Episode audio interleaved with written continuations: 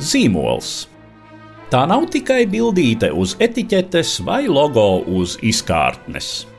Zīmols, kuru pieņemam par savējo, veido mūsu identitāti, raksturo mūsu dzīves un domāšanas veidu. Ko varam teikt par Latvijas zīmoliem un ko tie vēsta par mums? Par to raidījumu ciklā Zīmola stāsti LV reizi mēnesī, trešdienās Latvijas radio pirmajā kanālā. Labdien, cienījamie klausītāji! Mūsu šodienas sarunas temats ir Latvijas pašvaldību zīmoli, kā tie ir veidojušies un kāda ir to funkcionēšana mūsu zīmolvedības, komunikācijas un droši vien arī zināmā mērā politiskajā telpā. Mani šīs dienas sarunbiedri - zīmolvedības un pakalpojumu dizaina stratēģe Liena Kupča. Labdien! Labdien! Un komunikācijas stratēģis Zigords Zaķis. Labdien! Labdien. Vispirms es gribu piebilst, ka mēs šodien nerunāsim par Rīgu, jo Rīgas zīmolvedības pieredze, es pieļauju tā tīri masas ziņā pārsniedz visu pārējo, kas šai ziņā ir darīts Latvijā. Un kā es to nereti esmu teicis savos politiskajos komentāros, es uzskatu, ka Rīga tā nav nekāda Latvijas pašvaldība. Tā ir pusvalsts. Gan kvantitatīvā ziņā tā ir iedzīvotāju skaita kopā ar aglomerāciju un ekonomikas ziņā tā ir vairāk nekā pusi no Latvijas, un arī kā tā funkcionē mūsu politiskajā telpā, tā nav ierindas pašvaldība. Šoreiz par pārējām pašvaldībām. Vispār jau, ja runā par pašvaldībām, par pilsētām, par novadiem, par varbūt reģioniem, tad eh, tā vispārējā izjūta varētu būt tāda, ka kāpēc mēs vispār šai sakarā runājam par zīmolvedību, jo ar zīmoliem jau tādā vienkāršā uztverē saistās preču zīmes. Nu, tas ir kaut kas, kas ir jāpārdod. Nu, vai tad tev ir jāpārdod sava pilsēta, teiksim, sava dzīves vieta, sava dzīves telpa. Kāpēc pilsētai, ja nu vienīgi tas nav kūrorts vai turisma objekts, ir vajadzīgs zīmols? Vēsturiskās saknes tam, protams, sākas ar pilsētu nosaukumiem un ģerboņiem. Par to vēsturi es noteikti neesmu eksperts, bet tie noteikti ir gadu simti vai droši vien pat tūkstoši. Un tā ir bijusi un joprojām ir nozīmīga daļa no tādas vizuālās identitātes. Un kā jau mēs esam šajā raidījumā runājuši iepriekš, un droši vien vēl runāsiet arī pie citām tēmām. Tā ir tikai tā pati pamata funkcija zīmolam, varbūt tas pamats, uz kā būvējas vispārējais. Bet bez tā, protams, nevar. Ir vajadzīga kopīga atpazīstamība, un arī vienojošais elements, kas vieno šo sabiedrības grupu, kas ļauj identificēties mums ar savējiem vai atpazīst pārējos.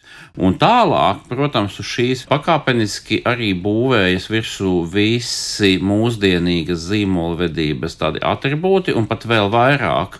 Kopumā jau šobrīd pasaulē pēdējo 10-15 gadu pilsētu un valstu jautājumos gan praktiķu stratēģu, gan praktizējušu akadēmiķu uzskats, ka zīmolvedība nav Varbūt, ja ne labākais, tas noteikti nav vienīgais veids, kā skatīties uz pilsētu, bet tā noteikti ir viena perspektīva, ar kuru to analizēt vai kādā veidā apskatīt šo pilsētas, pilsētas iemeta vietas fenomenu. Jā, man ir divi papildinājumi pie šī, ka, protams, zīmolu var skatīt kā pārdošanas un atšķirīguma instrumentu, tas ir viens lēņķis, bet otrs šķiet ļoti fundamentāls ir par piederību, par identifikāciju, par identitāti. Un Tur ir gan vēsturisks atsauces, gan arī iespējams pamats nākotnes tādām zīmolu teritorijām un zīmolu tēmām un vispār tam konceptam, kā skatīties uz vietu, kurā tu dzīvo, kurā tu vēlies zelt un plaukt. Un attiecībā par to piederību ir viena ļoti laba līdzība, un es to diezgan daudz arī tajos gadījumos, kuros sanāk strādāt pie pilsētu vai apdzīvotu vietu vai novadu zīmoliem, redzu ka mēs automātiski diezgan bieži pirmo atsauci meklējam savā vēsturē. Un viens no tādiem arī droši vien dzīves ziņā un automātiskajās atbildēs, automātiskajos refleksos iebūvētajām tādām rīcībām ir, kur mēs skatāmies, hops, ejam pie tautas tērpa, jo tas tad ir tas, kas mūs raksturo. Respektīvi, tā pirmā reference ir par to, ka mēs mēģinām skatīties etnogrāfijā, bet atkal ar tādu mazliet emocionāli atsietāku skatienu no tā, kā tad ir radies, piemēram, šis etnogrāfiskais tērps ka arī tajā laikā patiesībā, konkrēti piemēram par Alsungu, tas notika tieši tā, ka nopērkot zemes grāfam, viņš izveidoja savu svītu, savus cilvēkus vēlējās iezīmēt un apmaiņā pret pāriešanu katoļticībā piešķīra tērpus, kurus vietēji amatnieki, protams, dažādoja, bet principā tātad tas bija kaut kāds maiņas darījums par zināmu nodevu, tu tagad būsi un tu izskatīsies šāds. Tāpēc man šķiet diezgan veselīgi skatīties ne tik dziļi pagātnē, bet vairāk tieši uz nākotni. Tāpēc, ka otra līnija par etnogrāfiju ir tas, ka ir jāsaprot, ka mēs neesam izolēta sala, un tas ir gadījumos, kuros apdzīvots vietas ļoti vēlas palikt tajā etnogrāfiskajā līmenī. Ir jāsaprot, ka tas laiks bija vienots visā Eiropā, un mūsu auseklītis vai kāds cits ļoti mīļš un dārgs simbols vai kādu konkrētu ļoti mīļu brunču raksts ir atrodams gan pie igauņiem, pie sāmiem, angļu manufaktūrās kā modes modes audums. Tas, ko es gribēju teikt, ka ir vērts meklēt tos ankurus, kas ir vietas identitāte ne tikai pieņemtajos attribūtos, zemgaļu rakstēnajos brunčos vai suitu trakajās drānās, bet skatīties daudz, daudz dziļāk, kas mēs esam, kā mūsu apdzīvotā vieta caur paudzēm mūs ir izveidojusi, kāpēc mēs darām šādi. Nu, un beig, beigās jau vai zīmols vai viss, ko mēs veidojam, šis papildinājums vietai, abstraktā daļa, viņi jau ir tāpēc, lai mēs ietu uz priekšu, lai mēs būtu kopā, vienotāki, mobili, lai mēs varētu mobilizēt cilvēkus, lai viņi justos piederīgi. Varbūt vēl viena dimensija, uzticēšanās dimensija, lai stiprinātos arī, kas neveidojās ātri, bet beig, beigās, lai iet uz priekšu, lai mainītos, lai kļūtu labāki un tādā ziņā Līdzīgi kā kurš stāsts šeit ir šīs trīs dimensijas vajadzīgas šodiena, pieskāršanās pagātnē, kas iedod arī šo atbilstību vai uzticamību, bet beig beigās tam vektoram ir jāiet uz priekšu, jo tas ir par nākotni arī šajā konkrētajā sabiedrībā. Jā, jau ļoti precīzi pieskarties nākotnē, nevis tajā iekalties, kas reizē notiek.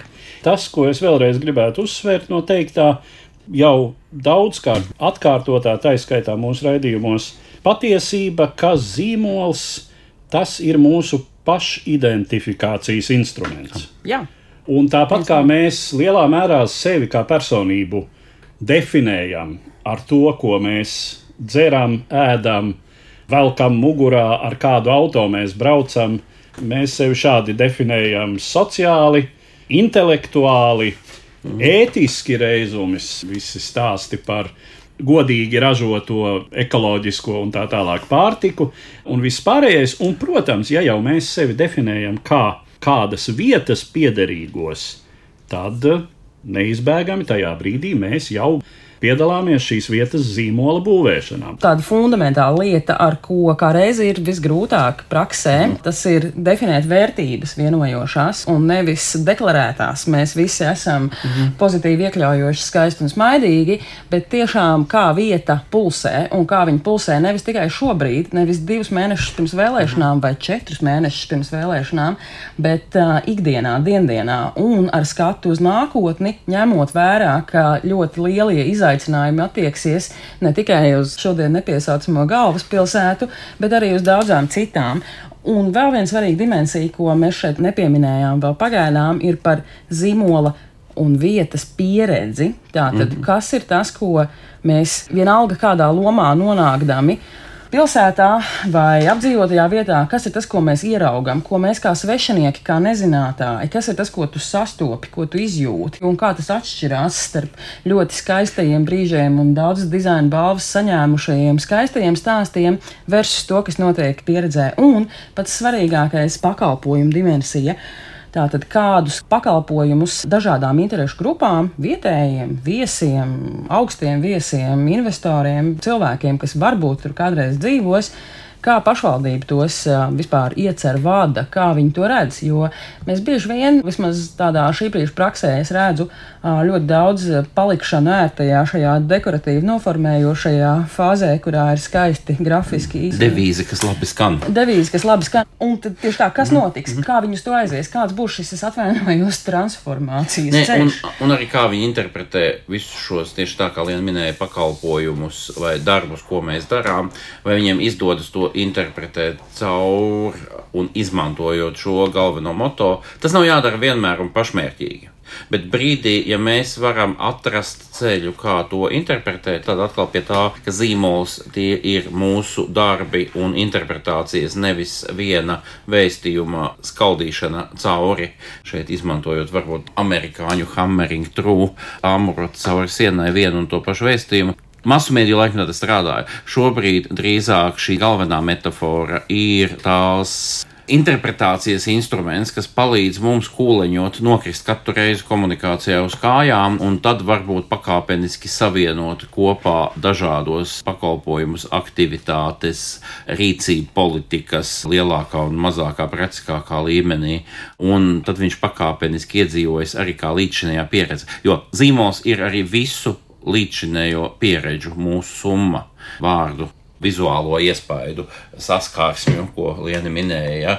Katra summa, kura veidojas pakāpeniski un ilgākā laika posmā. Jā, gan par pieredzi, ne tik daudz par manifestiem. Ja mēs paskatāmies uz konkrētiem Latvijas zīmolvedības piemēriem, teiksim, pašvaldību zīmolvedības piemēriem, tie spilgtākie jau mums vienmēr nāk prātā, un tās gandrīz vai ir jāsaka divas mūsu rietumu piekrastes pilsētas, viena, kas ir Liepāja, otra, kas ir Ventspils. Un, eh, Nu, es laikam riskēšu teikt, ka mm. liepājas gadījums, jā, tur mājo šis māra čaklā apmēram Mēģis. pirms pusgadsimta mm. vārdos ietērptais gars. Un tad ir Ventspils, par kuru man jāsaka, personiski ir tāda izjūta, ka šī rītdiena no tās pilsētas diezgan neizbēgami krīt nost globālajā ekonomikā, es domāju, energoresursus un tā tālāk arī šīs izmaiņas ir. Bet tas jokojot, un varbūt um, negluži, bet tas otrais gadījums ir nepārprotami vairāk sasniegts arī ar ļoti lielajām investīcijām un varbūt pat reizēm nesamērīgi lielām, lai arī nepārprotami atsevišķas aktivitātes arī ir bijušas profesionālas un pat veiksmīgas, bet tas pirmais gadījums, liepais gadījums, nepārprotami ir tie meklējumi pakāpeniska, tāda dabiska izaugsme, meklējot to, kas ir gan atšķirīgs, bet gan arī atbilstoši tai būtībai, pilsētas būtības artikulēšana, ja tā varētu teikt. Un tas nav bijis nekad tikai par devīzi.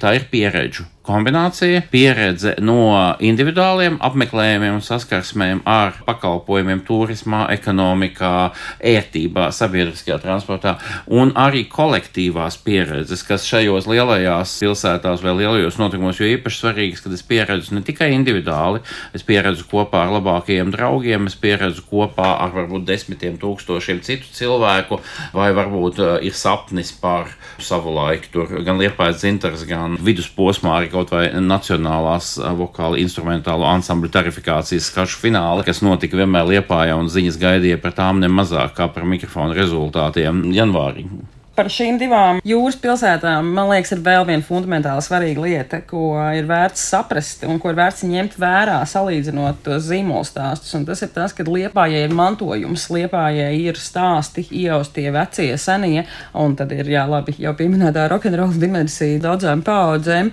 un eh, liepājai ir vienmēr bijušas mākslas un mūzikas un tādas kultūras un radošās inteliģences celmi kur pretī mūsdienu Vēnspils ir industriāla pilsēta ar uh, savādāku arhitektūras pieredzes vidi, un līdz ar to šī zīmola arī fundamentāli atšķirās, jo Vēnspils pilsēta ar rītdienu, nu jau mazliet tāds tiešām mm. novecojušais, bet tādā žargonā sakot, mainstream, tāds labam lielveikalam atbilstošs. Tas ir tieši tas, kas tev Ventspīlī sagaida. Tev ir daudz vieglas vienas dienas izklaides, akvaparks un uh, kas nu vēl viss, un, protams, tagad ir pievienojusies koncerta zāle.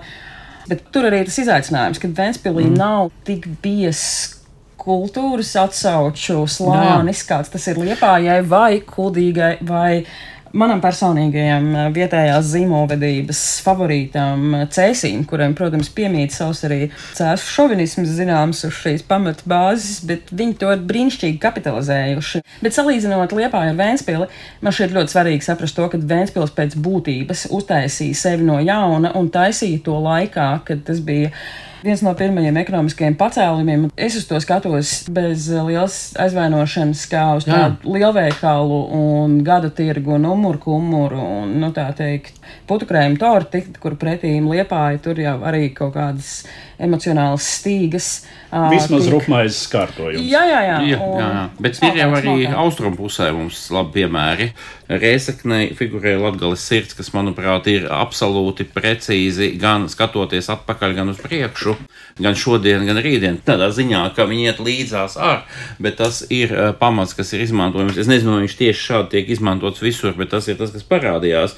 Lūdzu, skatās atpakaļ, bet ļoti pamatoti, kā senākā Latvijas pilsēta. Un tādai nelielai, bet tik skaistai pilsētai arī neko daudz, pat vairāk ar visu šo vēsturisko acīm redzamu centrā, šīm pilsrupām un tālāk neskaitāmajām baznīciņām apkārt. Un visu, manuprāt, arī pat varbūt nevajag un nemēģināt izgudrot kaut ko mākslīgi. Un tas pat ļoti precīzi iedod šo sajūtu gan cilvēkam, kas brauc uz turieni, sajūtu, ko sagaidīt. Un tas arī vietējiem cilvēkiem noteikti iedod tādu lepnuma sajūtu, piederības sajūtu, lielāku lūdzas nolikšana nacionālajā mērogā. Un tas ir fundamentāli svarīgi, ka zīmola vedība nereti un zīmola veidošana sākās ar domām par to, kā mēs to darīsim tiem citiem, tiem saviem viesiem, turistiem, nākotnes iedzīvotājiem. Nereti pilsētas vai novadi aizmirst mm sākt ar saviem vistuvākajiem. Un tas, kas ir vajadzīgs, un lūdzas un virkni citu mazu un veiksmīgu, kas to dara ar sevi, respektīvi, kas sāk domāt par to, kā mēs jutīsimies drusku labāk. Jo, protams, ka ikvienam no mums ir vajadzīga visvienkāršākā atzinība, ka tu dzīvo skaistā vietā, lai kur tā būtu, un visas vietas ir skaistas. Vienkārši to vajag pateikt, izcelt un arī pieredzēt. Un tāpēc, jā, vietējiem ir jābūt mm -hmm. iesaistītiem, jāspēj lepoties, nevis uzskatīt, ka šito zīmolu to jau mēs tiem rīdziniekiem uztaisījām. Es esmu dzirdējis šo komentāru, nu, es pat zinu, kuri. Mm -hmm. Es to atstāšu pie sevis. Jā, Ai, nu, tas ir līdznieki. Mēs paši to nelietojam. Tas mums turismam. Manuprāt, viena milzīga loma tajā ir, un tas vārds jau pazibē, bet arī pašvaldību vadība Latvijas bijušo konferenci pirms gadiem diviem sarīkojas. Tā ir uzticēšanās faktors, uzticēšanās. Un uzticēšanās nepārprotami nav tikai par vārdiem vai par šo vizuālo, tas ir arī par darbiem. Tas ir arī par emocijām, tas ir arī par šiem motīviem kāpēc, kā vārdā ar kādu lielāku mēs darām, un vai tie mūsu darbi un vārdi atbilst šiem nosacītiem motīviem. Un uzticēšanās ir tā, kas aug pamazām un nerodas vienā dienā. Viņa var sabrukt vienā dienā, ja kaut kas nav. Viņa ir vienlaikus racionāla un emocionāla. Un vienā otrā gadījumā pietiek konstatēt, un tas ir ļoti labi, ko es minēju Ludzai, ka tā ir senākā Latvijas pilsēta, Tur ir gan racionālā, gan emocionālā dimensija, bet ideālais skatījums tomēr, ja tur ir kaut kāda arī šī galvenā metāfora vai šie priekšstati par pilsētu, tomēr aizķer cilvēku arī atgriežoties jau pie Lienas teiktā par vietējiem, ka viņa rada arī kaut kādu emocionālu ja ne pārdzīvojumu, tad kaut kādu vēl dziļāku jēgu vai dziļāku interpretāciju iespēju. Un tad ir liels jautājums, ko šeit arī var neizvērst, bet tas ir uzticēšanās cilvēkiem. Ir viena lieta, uzticēšanās institūcijām, organizācijām vai šajā gadījumā pilsētu vai pašvaldību, pašpārvaldēm ir otrs punkts. Un tur atkal šī darbu dimensija viss, bet tā lielā virzība šeit, kur varētu būt virzība prom no zīmolvedības, ir tas, kam arī mēs virzamies.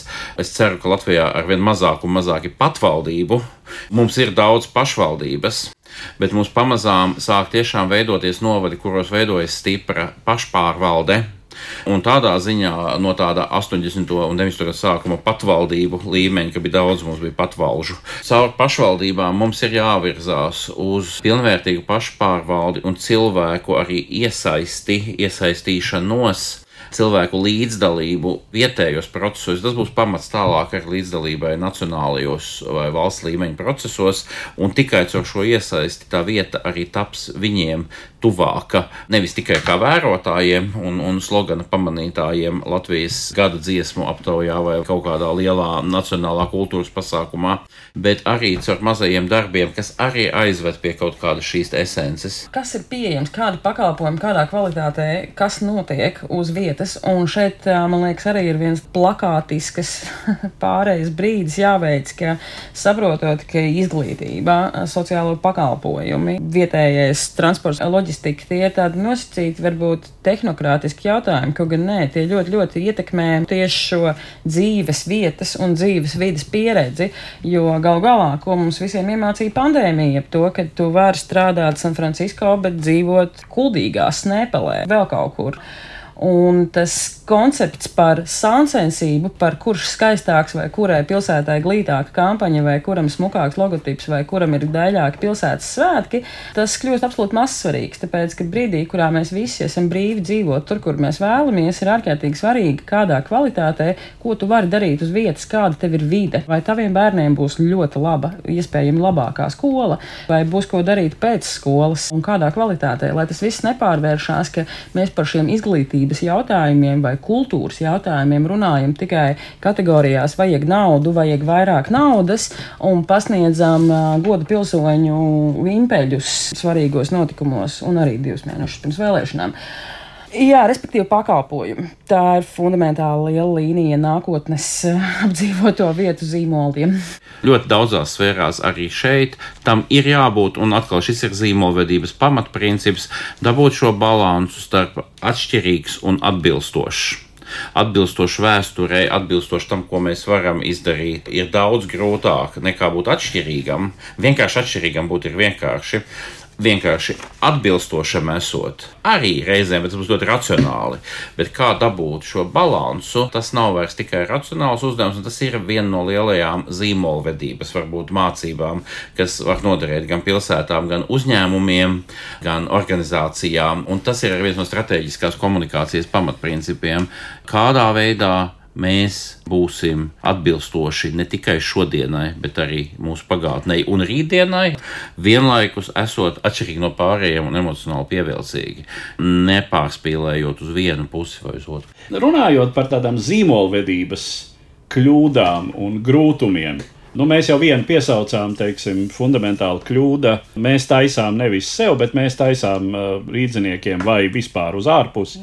Mēs taisām reklāmu, ja? Jā. Iden, mm. identificēt zīmolvedību ar reklāmas stratēģiju un taktiku.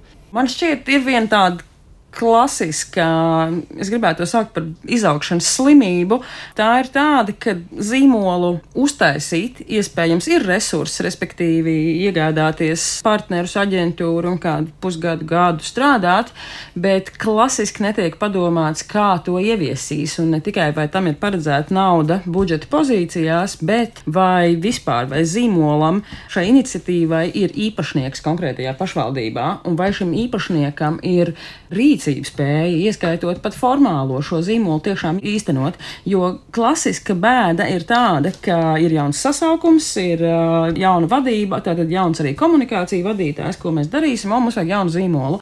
Bet tad notiek dažādas lokālā parlamentārisma rokādes, kā rezultātā bieži vien ilgu gadu vai daudzu mēnešu darbs vienkārši beidzās, tāpēc ka apvienība arā izsaķīvējas ar apvienību liepas un nu, nav vairs konkrētā pagastreča pašvaldībai ir jāredz īpašnieks, turētājs, un ir jābūt tādam, kas to aiznesīs ne tikai vēlēšanu ciklā, bet tālāk ar visu veidu resursiem. Tas ir viens. Otrs, un tas ir nedaudz konceptuālāks, man šķiet, ir vērts ieraudzīt zīmolu kā organizācijas, tātad visas šīs pašvaldības daudzo funkciju grupas, tādu vadības instrumentu. Jo atkal, ja mēs skatāmies tikai un vienīgi uz šo zīmolu kā uz izšūtu elementu savā karogā vai dziesmu svētku gājienā, ar to nebūs gana.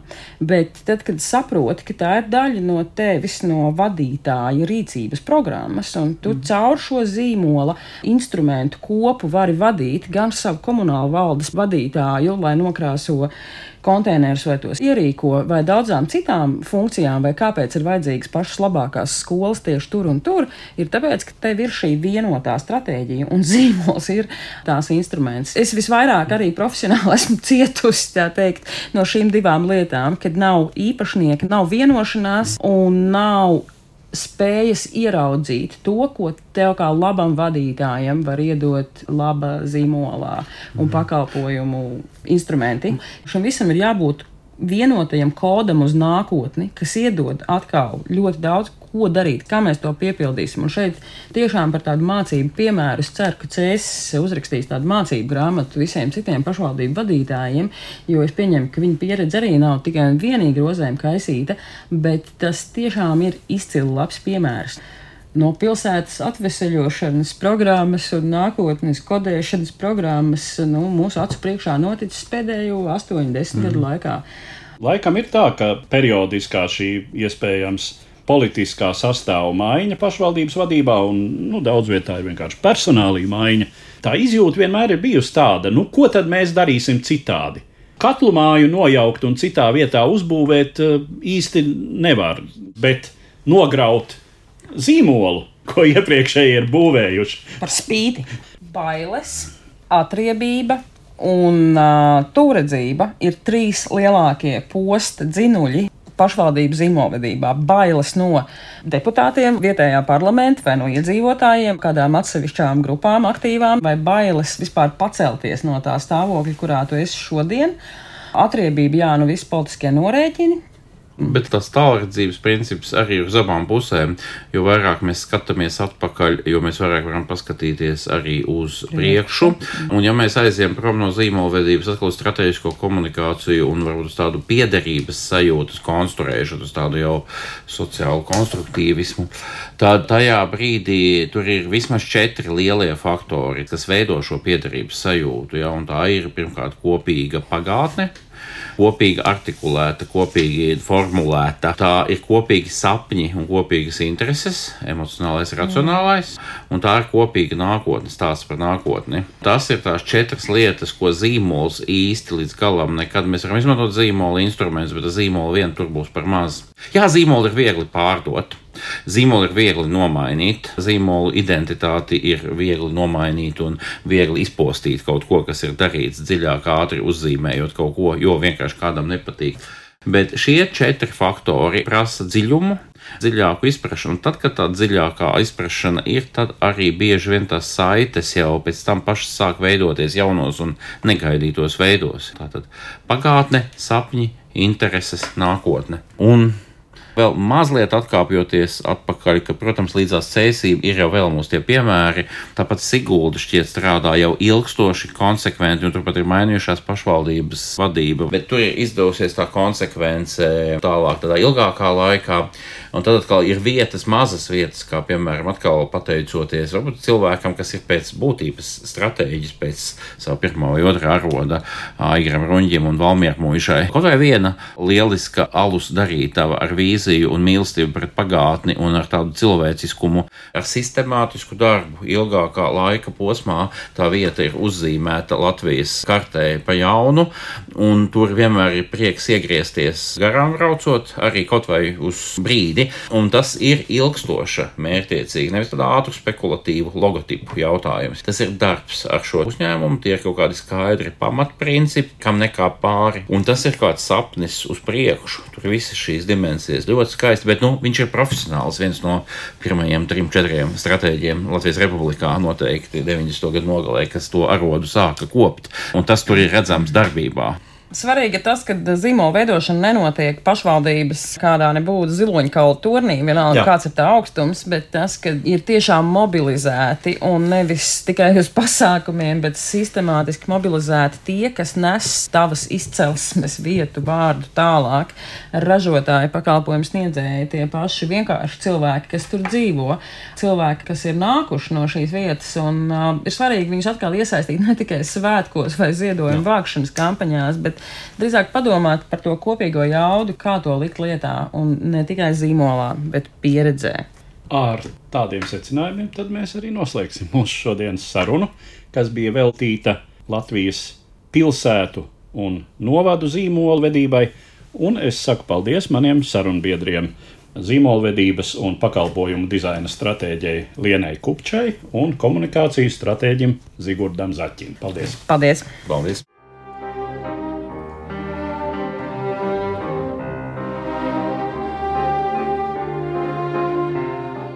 Ko varam teikt par Latvijas zīmoliem un ko tie vēsta par mums? Sarunas ar zīmolvedības teorētiķiem un praktiķiem raidījumu ciklā Zīmola stāsti LV. Reizi mēnesī, trešdienās pēc pulksten trijiem pēcpusdienā Latvijas radio pirmajā kanālā.